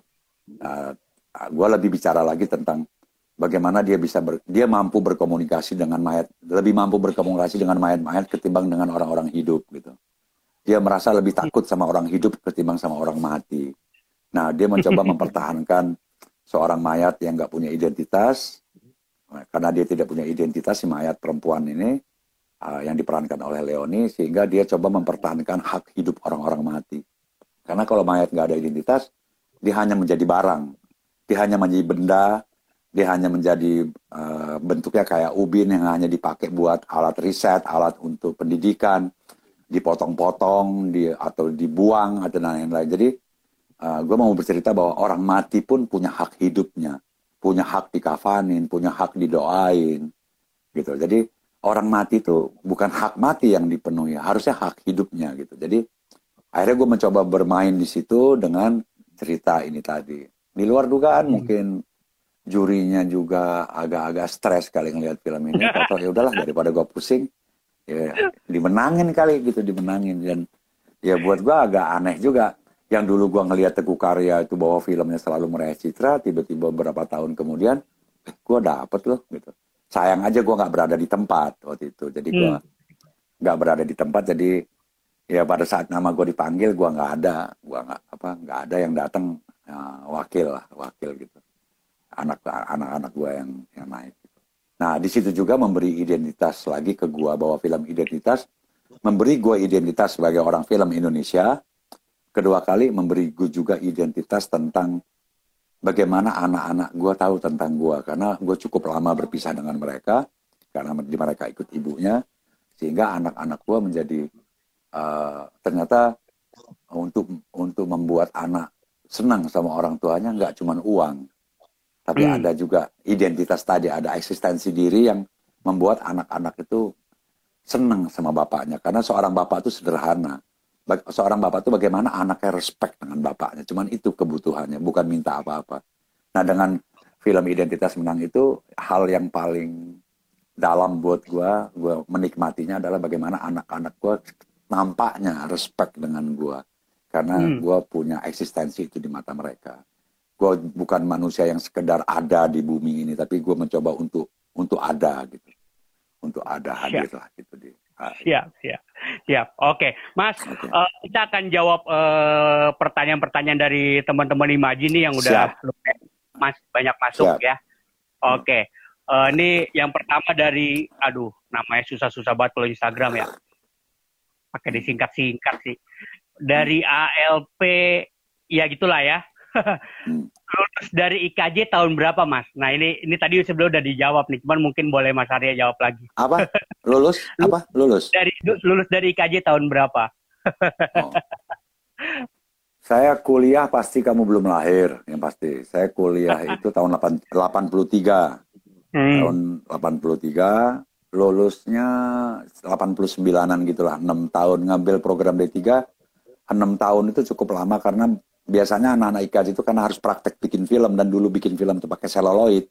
Biasanya begitu dia kreditnya sudah selesai, dia nggak bisa langsung ujian karena mungkin hmm. nggak punya uang, apalagi orang kayak saya. Mau nggak mau ikut dulu magang-magang sama senior-senior, nyari sisa-sisa film, uh, bekas syuting senior-senior dikumpulin 100 feet, 100 feet, baru kita syuting. Jadi memang biasanya setelah masa cuti, masa cuti habis dianggap DO kalau nggak ujian baru tuh kita memulai bahkan uh, jadi lulusnya tahun 89 lah nah, hmm. itu aja oke okay. siap nah. oke okay. kita lanjut ya mas hmm. ini dari Yuko Hamzah yang bikin Mas Arya bertahan di dunia film itu apa Mas? Apa punya alasan khusus? Ya itu tadi karena nggak punya rencana itu kali ya. Ternyata hidup tanpa rencana itu indah. Jadi kalau gue punya rencana yang wah gue pengen bikin film supaya masuk ke Hollywood, gue pengen bikin film mau supaya nanti gue dikenal di dunia, gue pengen film.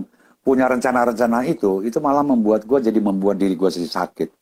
Jadi itu tadi, hmm. yang membuat gue bertahan justru karena gue nggak punya rencana apa-apa, kecuali cuma satu, gue pengen bikin film sebagai bahasa penyampai jiwa gue. Hmm. Adapun yang mau nonton-nonton, yang nggak yang nggak mau nggak apa-apa gitu. Jadi justru itu yang membuat bertahan. Tapi kalau gue punya keinginan seperti kawan-kawan yang lain, kalau bisa menang di Cannes, menang di Academy Award, uh, boleh bercita-cita. Tapi gue untuk di usia sekarang gue udah, ya gue pengen bikin film aja.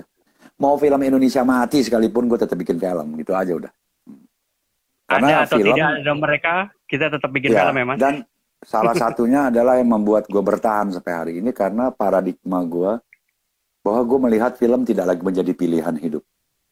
Karena kalau jadi pilihan hidup salah pilihnya kayaknya. Karena nggak pernah dihidupin film gue nggak pernah nggak pernah enak hidup gue karena dari honor film itu nggak Jadi uh, dia film sudah bukan menjadi pilihan hidup, tapi sudah menjadi panggilan hidup gue.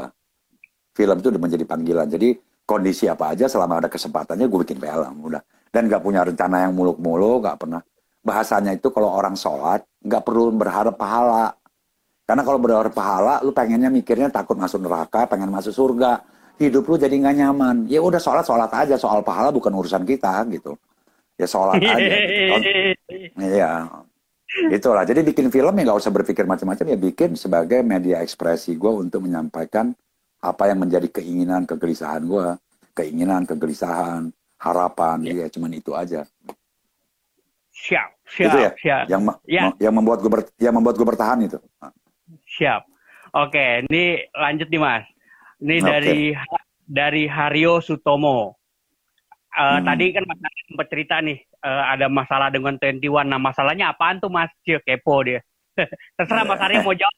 Terserah ya Mas. Uh... Ya biasalah. Waktu itu juga usia saya masih muda. Lagi songong-songongnya, lagi tengil-tengilnya, lagi sengak-sengaknya. Jadi kalau ada orang yang mencoba menghalangi atau menghambat, pasti gua ngelawan waktu itu. Siapa pun, hmm. termasuk lembaga sensor pernah ribut, pernah live di acara live di Metro TV dengan ketua sensor. Saya lawan. Ya kalau sekarang mungkin ya udah perlu ada diksi udah perlu ada penghalusan dalam hmm. menyampaikan sesuatu. Tapi yang pasti dulu uh, saya merasa bahwa uh, kematian film Indonesia di awal 90-an juga disebabkan lahirnya bioskop tunggal itu pertama hmm. lahirnya bioskop tunggal karena dulu bioskop awalnya uh, punya pribadi-pribadi, kemudian ada yeah. distributor di zaman itu. Jadi kalau kita mau nonton film Cina, kita nonton film di Ayam Uruk. Kalau mau nonton India di Rivoli. Kalau mau nonton film Indonesia di mana kita punya pilihan. Kalau sekarang enggak. Yeah. Bioskop tunggal, filmnya sama semua. Nah, yang menjadi problem adalah para kreator. Para kreator dan buat gua itu nggak fair. Uh, karena tunggal sehingga kalau ada bioskop-bioskop di luar uh, ranah apa di luar geng mereka ini maka bioskop-bioskop itu tidak karena mereka pemilik bioskop merangkap distributor waktu itu. Hmm. Nah, maka film Indonesia di awal 90-an musnah lah itu film Indonesia. Kemudian 14 tahun kemudian bangkit lagi. Nah, di situlah yang disebut namanya kebangkitan New Indonesian Cinema.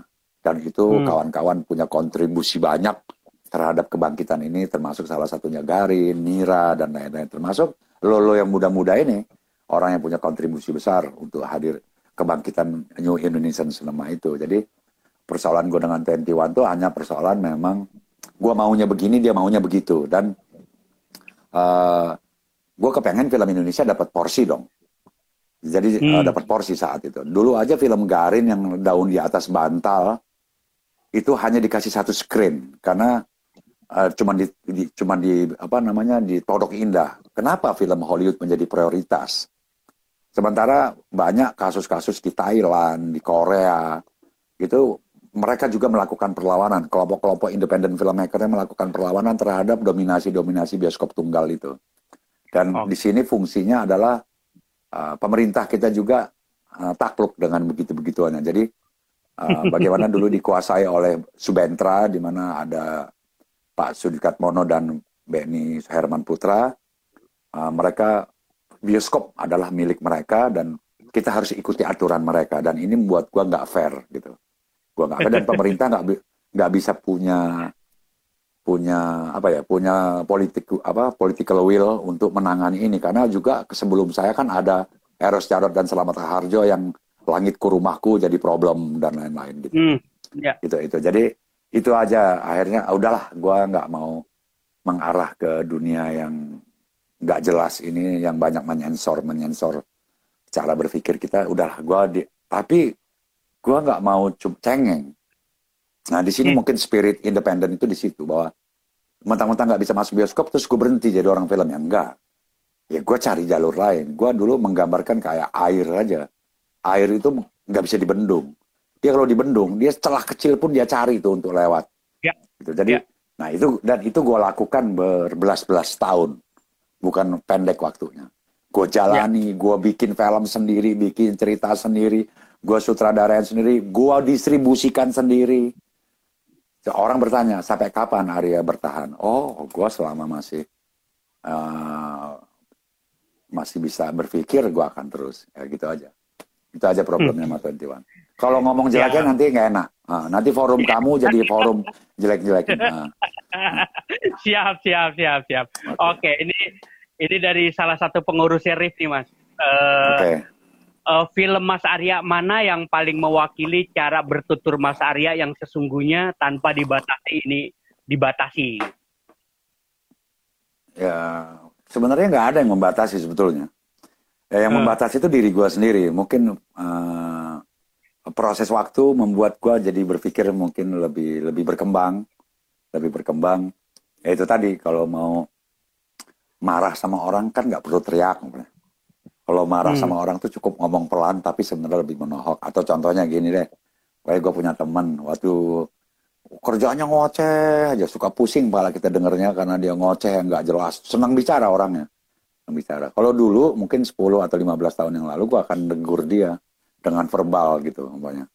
Lu heran lu, lu ngoceh lu, lu uh, omongan lu tuh gak ada gunanya, gue bisa kasar gitu. Tapi kalau udah tua gini, mungkin dengan bahasa lain. We kenapa ya lu secara evolusi kayaknya belum sempurna nih kenapa organ tubuh lu mulut semua ya ini mungkin bahasa gue udah begitu bahasanya nah itulah itu juga ya, kenapa organ tubuh lu kok mulut semua nih apa gitu hmm. itu yang menggambarkan bahwa sebenarnya ada proses kedewasaan di mana tapi jangan juga waktu muda lu belaga dewasa ya jalani hidup sesuai umurnya jadi ya. film gue juga prosesnya gitu di proses kemarahan di proses kehilangan gue pada saat gue merasa dunia uh, ruang-ruang kehidupan sudah mati, gue bikin bed.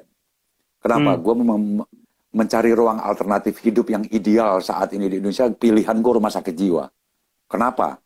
Gue memilih rumah sakit jiwa sebagai ruang kehidupan yang ideal karena hanya di rumah sakit jiwa uh, manusia bisa mempresentasikan kehidupan yang jujur, yang honest. Dan kalau mati masuk surga katanya, kata agama. Enak bener kan? hidupnya. Hmm. Dia nggak berpikir rekening listrik, nggak berpikir politik, pokoknya dia enak banget. Ternyata pada saat abis 98 itu menurut gue yang paling ideal hidup di rumah sakit jiwa. Hmm. Lu biar cinta dengan cara lu, lu hidup dengan imajinasi lu. Nah, di Novel Tapah Rufer kemarahan, sebuah kemarahan yang sebuah kemarahan-kemarahan yang nggak terkendali itu lepas dari di novel Tapah Rufer. Identitas itu kayak sudah menemukan perpaduan antara kehilangan dan kemarahan itu akhirnya menemukan oh ternyata dua hal yang tadi selalu kehilangan dalam hidup gue dan karena kehilangan jadi ada kemarahan maka identitas kayak sebuah proses dari dua ini menjadi lebih belajar untuk memaafkan belajar untuk terapi ikhlas dan lain-lain jadi sebenarnya perjalanan karakter film gue dan cerita-cerita juga menggambarkan tentang kejiwaan gue pergolakan kejiwaan gue hmm. maka uh, kesannya film gue uh, karakternya ya begitu. Baik kayak Bidadari Mencari Sayap nih yang terakhir tahun 2020 nih. Gue bikin film pop tentang perkawinan. Karena ternyata uh, gue bisa menafsir selama 20 tahun menjadi duda. Artinya hmm. uh, gue cerai tahun 2000 pada saat bikin bed sampai hari ini gue nggak menikah lagi. Berarti kan gue ada problem. Ada apa sebenarnya? Dan gue menafsir selama 20 tahun lahirlah film uh, bidadari mencari saya uh, menggambarkan umpamanya uh, ternyata basic perkawinan itu bukan cinta ya ternyata kalau cinta basicnya cinta itu bisa expire ternyata gitu hmm. ternyata uh, perkawinan itu mestinya basicnya itu respect gitu karena kalau hmm. uh, uh, basic perkawinan itu respect bukan cinta cinta itu bisa musnah bahkan cinta itu bisa membunuh perkawinan itu sendiri menurut gua jadi uh, itu kan hasil penafsiran gitu dan film ini sangat ngepop, sangat-sangat drama gitu. Nah, artinya ada sebuah perubahan lagi kan di kejiwaan gue di usia segini, gue membuat film seperti itu gitu. Itu ya itulah.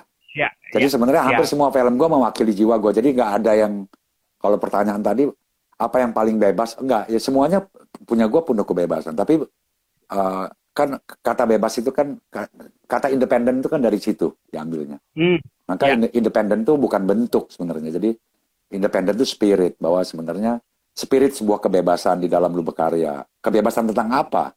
Ya kebebasan berpikir, kebebasan menafsir, kebebasan berekspresi. Itu yang itu yang disebut independent filmmaker itu sebenarnya itu. Bukan punya kelompok independen gitu bukan, bukan. Jadi sebenarnya Iya, ah, just spirit. Ya, siap, siap. Oke, nih lanjut nih Mas. Ini Oke. dari eh, LD Fat. Eh, Sekarang Mas Arya lagi sibuk apa? Terus ada rencana buka kelas penyutradaraan atau enggak atau workshop atau bedah film? Oh. Kalau sekarang yang pasti ini lagi lucu-lucunya karena harus rilis di akhir bulan ini film yang terakhir di- lagi lagi proses post pro yang sudah mau selesai juga cuman ya lagi deadline itu pertama. Kalau untuk next eh gua kalau workshop apa buka kelas punya nggak punya kelas jadi kadang-kadang suka diminta bantuan teman-teman dosen untuk ngajar di kelasnya. Jadi gua nggak punya gua nggak mungkin bisa ngajar karena D3 nggak lulus gimana jadi nggak mungkin bisa jadi dosen gitu jadi kalau workshop segala buat gua sharing lebih tepatnya lebih sharing tapi yang pasti kalau menurut gua nih ya, tapi nggak usah di nggak usah diterima kalau nggak nggak percaya. Ini menurut gua bahwa sutradara itu gift, nggak ada Hmm. sekolahannya sebenarnya. Ada pelajarannya tentang teh, apa teknis di dalam menyutradarai. Ya. Tapi kalau sutradara itu gift sebenarnya, pemberian. Wah, eh, jadi eh, harusnya nggak ada sekolahannya. Gue nggak ngerti di IKJ ada pelajaran penyutradaraan itu. Buat gue agak aneh itu. Tapi paling nggak yang dipelajari adalah mungkin teknis penyutradaraan. Karena di dalam penyutradaraan itu ada blog, ada bagaimana mendirect, bagaimana ini. Ya kayak gitu-gitu lah, teknis lah Ya, sifatnya. Tapi eh, sutradara itu adalah jiwa menurut gue. Dan jiwa itu gift, nggak bisa kita bikin-bikin, nggak bisa kita eh, apa kita rekayasa itu nggak bisa, nggak bisa. Sama seperti ide, ide itu nggak bisa dicari, ide itu nggak bisa apa eh, berinspirasi nyari ide. Nggak ada, ide itu lahir, ide itu nggak bisa di nggak bisa dicari-cari, dia lahir dengan sendirinya. Tapi sebelum lahir lo baca apa, lo lo ngelihat apa, mengalami apa kan itu. Maka itu, yaitu Ya. eh, tentunya untuk seorang sutradara, eh, sutradara apa ya bahasanya? ya? Ya kalau sutradara yang benar-benar sutradara ya itu dia gift, dia jiwa. Karena eh, di dalam membuat film tidak hanya dibutuhkan knowledge, bukan hanya knowledge atau science, tapi di dalam penyutra, di dalam penyutradaraan itu ada jiwa di situ. Nah, yang paling bahaya itu kalau kawan-kawan bikin seri, serial atau bikin stripping, yang mereka gunakan udah knowledge, jiwa udah nggak ada di situ. Ya. Kalau jiwa sudah tidak ada, maka mereka bukan uh, kreator film, tapi mereka pekerja seni aja, pekerja seni. Ya, siap, siap. Oke. ini. Oke nih Mas, ini ada pertanyaan dari ini eh, Mas Hani Mustafa nih. Gue mau tanya satu aja, ajarin caranya ngalahin lo main catur, Mas, katanya. Nah, itu itu saya gua waktu di sanggarnya Kardi Said dulu itu. Iya, iya, iya, siap, Hmm. siap. Siap, Iya, iya. siap. Bilang, Oke. eh, jawabannya kalau mau jadi sutradara yang bagus harus jago main catur, nggak boleh kalah. Iya, iya. iya. Oke oke. Oke lanjut. Oke. Oke, eh, ya eh, gua eh, ini ini ini di, ini gua nih Mas ya. Gue Ya. melihat sosok sosok seorang Arya Kusuma Dewa gitu lihat Tocang ya bener sih. Gue gue baru bisa akhirnya baru akhirnya gue pemben, dapat pembenaran. Setiap film lu tuh ada proses gitu. Itu yang membuat gue apa ya? Oh iya, bener juga ya gitu. Ternyata nggak nggak nggak cuman sekedar eh, apa ya? idealis tapi ada meaning, ada makna di baliknya gitu loh. kan kita jarang nih mas, lo datang ke lokasi syuting, ke lokasi syuting gue juga kita nggak ngobrol sedip ini. Ah, ya. Alhamdulillah Hmm. punya rezeki ini. Oke, Ah, mas, tadi kan kita ngomong, eh, ini kita ngomong dikotomi masalah indie dan dan mainstream. Ah, ya. Eh, gue eh, udah ada ada melenceng. Kalau buat gue ya, gue bisa salah gitu. Tolong tolong bantu koreksi juga. Eh, nah menurut kacamatanya seorang eh, Arya Kusuma Dewa tuh mainstream indie tuh apa sih mas? Sebenarnya itu eh, dia itu cuma sekedar bentuk sih kalau menurut gua. Jadi sebenarnya kayak kata indie. Eh, sebenarnya indie itu nggak enak kayak Hindia Belanda jadi jatuhnya. Independen yang tepatnya. Jadi Independen. sebenarnya itu sejarah awalnya kan karena di Amerika dulu itu kan ada studio besar yang namanya Hollywood itu. Nah banyak para kreator-kreator film yang tidak berada di lingkungan studio itu. Mereka adalah pembuat-pembuat film di luar studio. Yang awalnya dianggap ya orang-orang independen bikin film suka-suka dia dan tidak masuk ke dalam tatanan uh, tatanan industri massal gitu.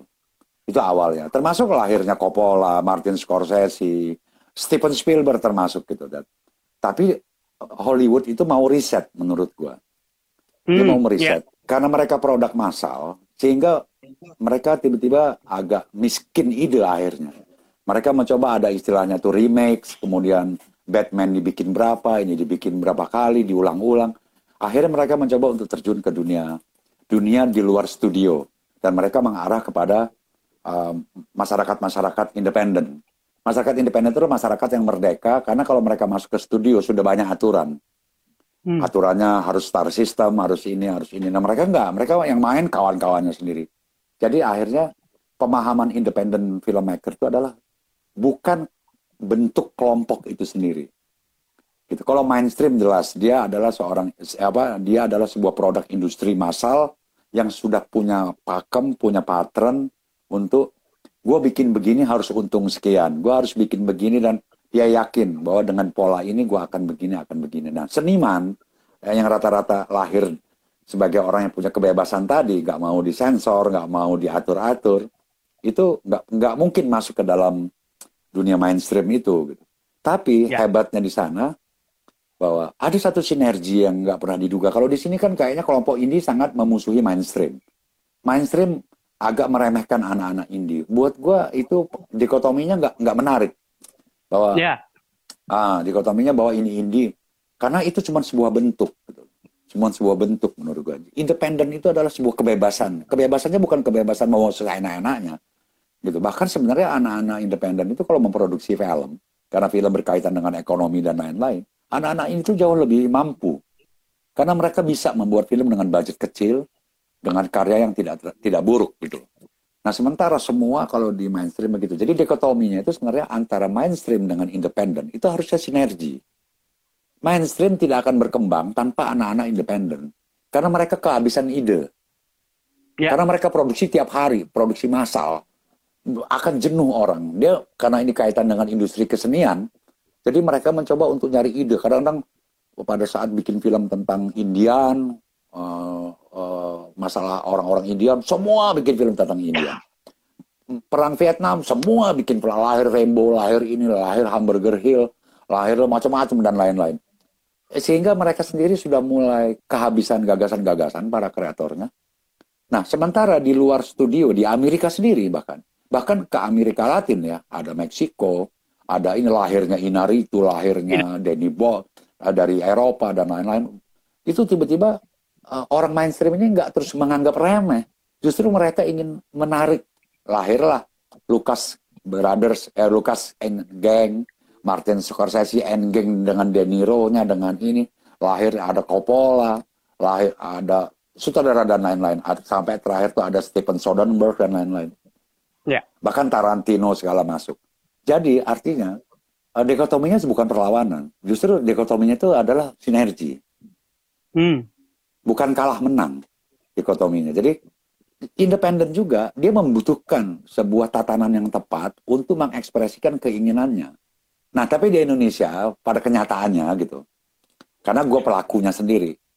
Ya. Nah, jadi ada produser-produser mainstream dia mencoba memanggil gue untuk gue jadi pekerja dia bukan bukan mengembangkan apa yang menjadi gagasan gue bahwa dia mendapat sebuah gagasan yang agak berbeda dari produksi-produksi dia sebelumnya. Enggak. Jadi kalau seandainya di sini ada tujuh sutradara di salah satu PH, tujuh sutradara bikin film laku semua dan sama. Dia tarik gue ke situ untuk jadi tujuh orang ini ya untuk apa?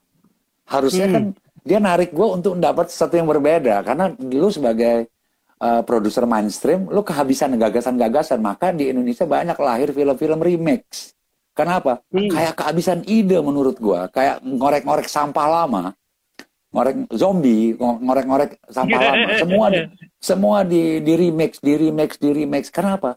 Jelas karena habis gagasan mereka orang-orang. Hmm. Apalagi di sini kelasnya masih kalau gue suka ngeliat kita kita ini sebagai lokal di sini kan banyak sekali lokal wisdom kan tapi selalu yeah. kalah dengan lokal selalu kalah dengan lokal kingdom Kalau menurut gue, hmm. kalah dengan raja-raja kecil yang menurut gue mereka umpama contoh gini. Uh, ada satu PH manggil gue, datang. Ini nggak perlu gue sebut, tapi ini PH terkenal. Arya, kamu tahu nggak di PH kami itu produksinya apa aja? Oh iya, nah itu karakter PH kami itu memproduksi cerita-cerita dengan karakter yang begini, begini, begini. Terus dia bilang, e, Mas Arya bisa nggak masuk ke sini untuk menjadi karakter itu? Gue cuma jawab, saya pikir Bapak manggil saya itu Bapak ingin membackup karakter saya, bukan menjadikan saya jadi orang lain. Bapak harus menjadikan saya, biar Bapak juga punya wacana, punya wacana yang cukup dinamik di dalam produksi Bapak, nggak cuma ya. sama. Jadi dan itu kebencian gua dari dulu adalah bagaimana orang diseragamkan gitu. Diseragamkan, gua harus jadi ya. ini. Ya, diseragamkan. Itu dari sejak sekolah gue udah benci dengan seragam gitu. Jadi tiba-tiba gua dipanggil oleh produser yang non pribumi, ya ini sorry, sorry bukan rasis nih. Uh, jadi non pribumi, tiba-tiba gue harus diseragamkan dengan sutradara-sutradara lain untuk membuat film yang karakternya sama dengan sutradara lain. Ya untuk apa? Ketahuan gue bikin sendiri. Ah, Nah, yeah, yang yeah, satu-satunya yeah. tahu produser karakter gue adalah Deddy Miswar. Walaupun nggak mudah juga ngadepin dia, karena terlalu banyak kayak uh, nggak mudah juga. Tapi paling nggak dia mencoba mengembangkan karakter gue gitu.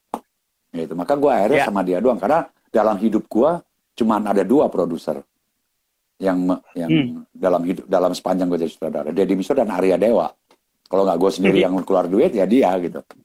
Ya, siap, siap, siap, siap. Oke, oke, oke. Oke, ini Mas, ini uh, pertanyaan terakhir nih.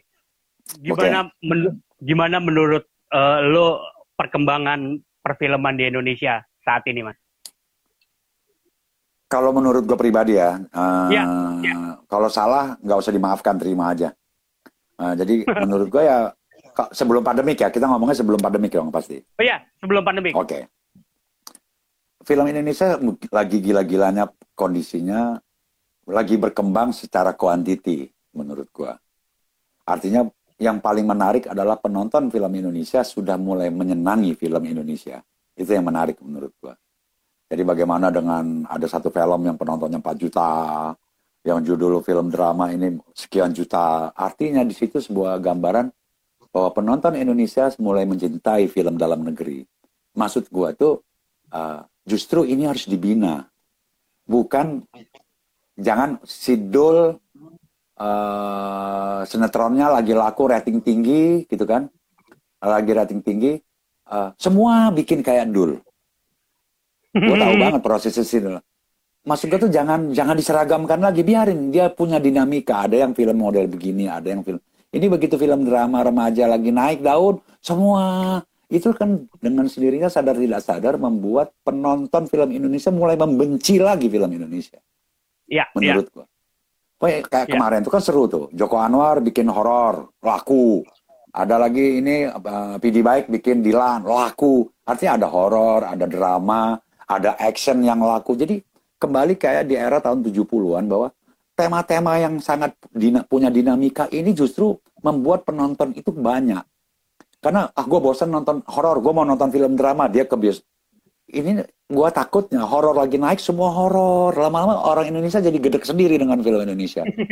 Nah, tapi kalau ditanya berkembang, perkembangannya adalah satu yang membanggakan adalah sebelum pandemi film penonton film Indonesia sudah mencintai film-film Indonesia itu sendiri, mencintai film tuan rumahnya gitu. Itu pertama. Tinggal tanggung jawab kreator dan tanggung jawab para investor untuk tidak membuat ini menghancur lagi gitu. Menurut gua. Tapi ya. secara yeah. quality persentasenya masih terlalu kecil. Hmm. Hanya untuk quality, arti quality itu ukurannya adalah film-film yang bisa me, apa ya mendunia dan lain itu masih masih masih persentasenya masih belum seimbang dengan film yang secara kuantiti sukses gitu. Tapi terlepas dari itu semua, ya itulah industri film. Tidak semua film Hollywood bagus. Tidak semua film India jelek. Nggak, nggak semua film India nari-nari. Nggak semua film Cina uh, ciat, apa action-action. Nggak. Jadi semua selalu begitu. Dan itu uh, dia akan berjalan terus seiring waktu. Gitu. Jadi gue tadinya udah puas gitu. Kenapa juga bikin film pop? Ini gue pengen tahu nih. Gue pengen banget dalam film gue. Ada film gue laku penontonnya lebih dari 300 ribu aja. Gue kayaknya udah bangga tuh Karena selama ini penontonnya dikit-dikit kan.